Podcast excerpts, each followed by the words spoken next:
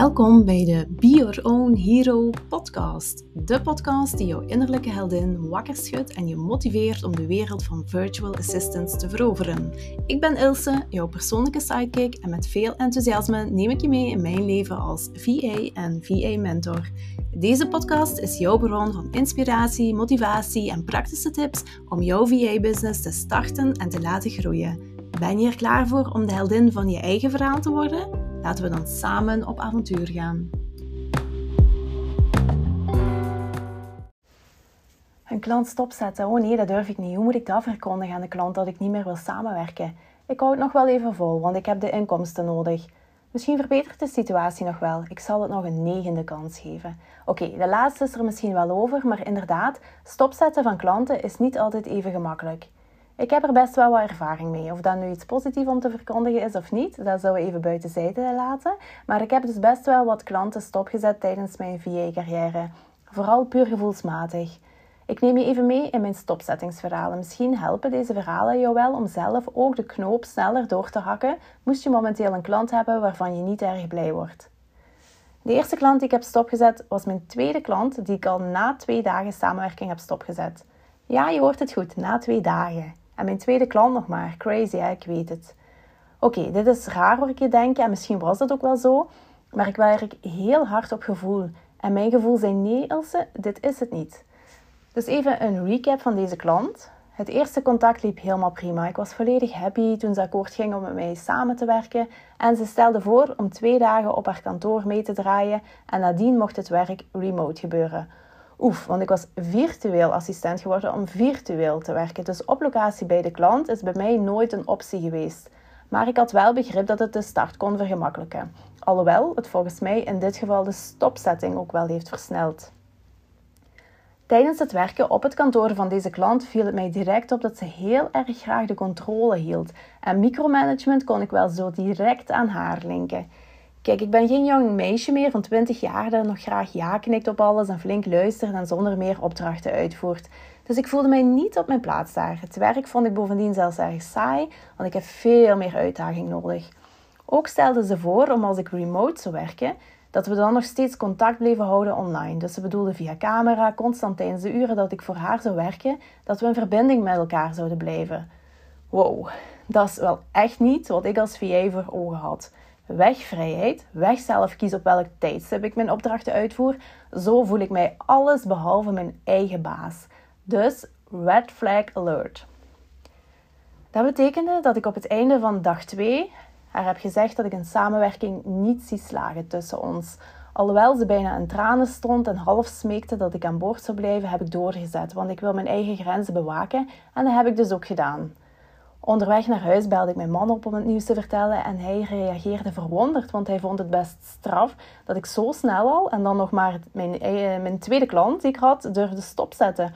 Hij vroeg me of het niet beter was dat ik het nog een kans zou geven of dat ik het niet iets langer uh, ja, over had moeten nadenken op zijn minst, want dit was wel een heel erg impulsieve beslissing.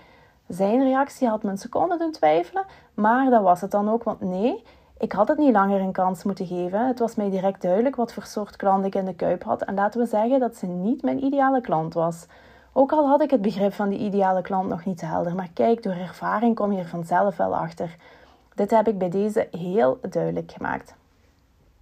Dus klanten die micromanagen en volop controle over alles willen houden, kon ik alvast schrappen uit mijn top 3 favoriete klanten.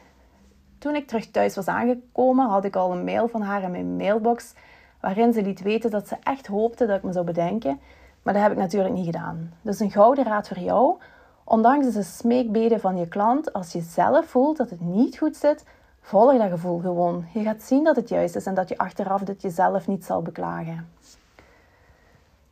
Stopzetting nummer 2. Er was een onderneemster, ook uit Genk, met wie ik al een aantal keer samen was gaan wandelen. En het was wel steeds gezellig tot we gingen samenwerken. Gewoon als gezelschap om eens een wandelingetje te mee te maken was helemaal oké. Maar dat garandeert nog geen goede samenwerking. Ook bij haar zijn mijn gevoel heel erg snel nee. Maar eh, ze had een live event waarmee ik haar hielp en dan vooral met haar socials. En ik wou haar natuurlijk niet in de steek laten als de voorbereidingen naar het event toen nog bezig waren. Het stomme was ook dat ik had toegezegd om haar te helpen, maar dat deze voorbereiding eigenlijk onder mijn verlof was. Dus heb ik tijdens mijn verlof zitten werken, terwijl ik dat eigenlijk niet wilde.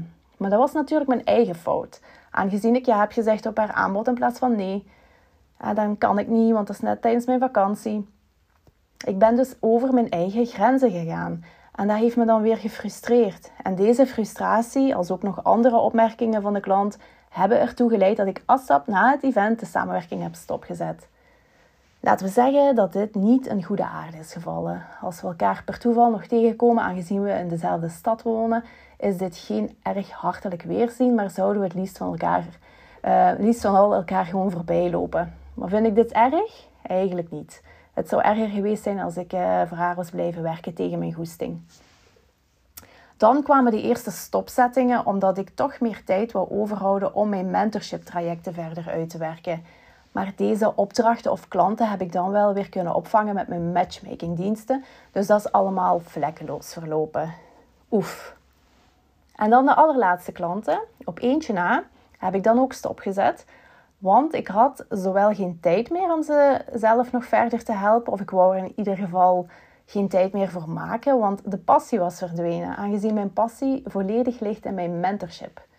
Daar gaat mijn hart sneller van kloppen en dat is wat ik zo ontzettend graag doe, waardoor dit ook niet voelt als hard werken, terwijl ik er toch best veel uurtjes aan spendeer. Maar ik help mijn mentees gewoon zo graag op weg naar hetgeen waarom zij gekozen hebben VA te worden. Voor sommigen is dat de vrijheid, voor anderen de extra tijd met een gezin die voor hun op nummer 1 staat. Um, ik heb het leven wat uh, mij gelukkig maakt en dat gun ik anderen ook. Dus hoe mooi is dit als ik hier uh, mee kan helpen? Logisch toch, hè, dat ik hier voor mijn klanten heb stopgezet? Denk jij nu, oké, ik ga nu mijn klanten berichtjes sturen om de samenwerking stop te zetten, of ik plan een gesprek in met mijn klant om onze samenwerking eens te bespreken? Dan wens ik je erg veel succes.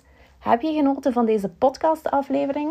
Dan zou je mij een groot plezier doen als je mij wat sterretjes wilt geven. Vijf vind ik een mooi cijfer. Dit kan trouwens snel en eenvoudig door in Spotify rechtsbovenaan op de drie puntjes te klikken, show beoordelen kiezen en hoppa, die vijf sterren kiezen. Dikke merci en tot de volgende podcastaflevering.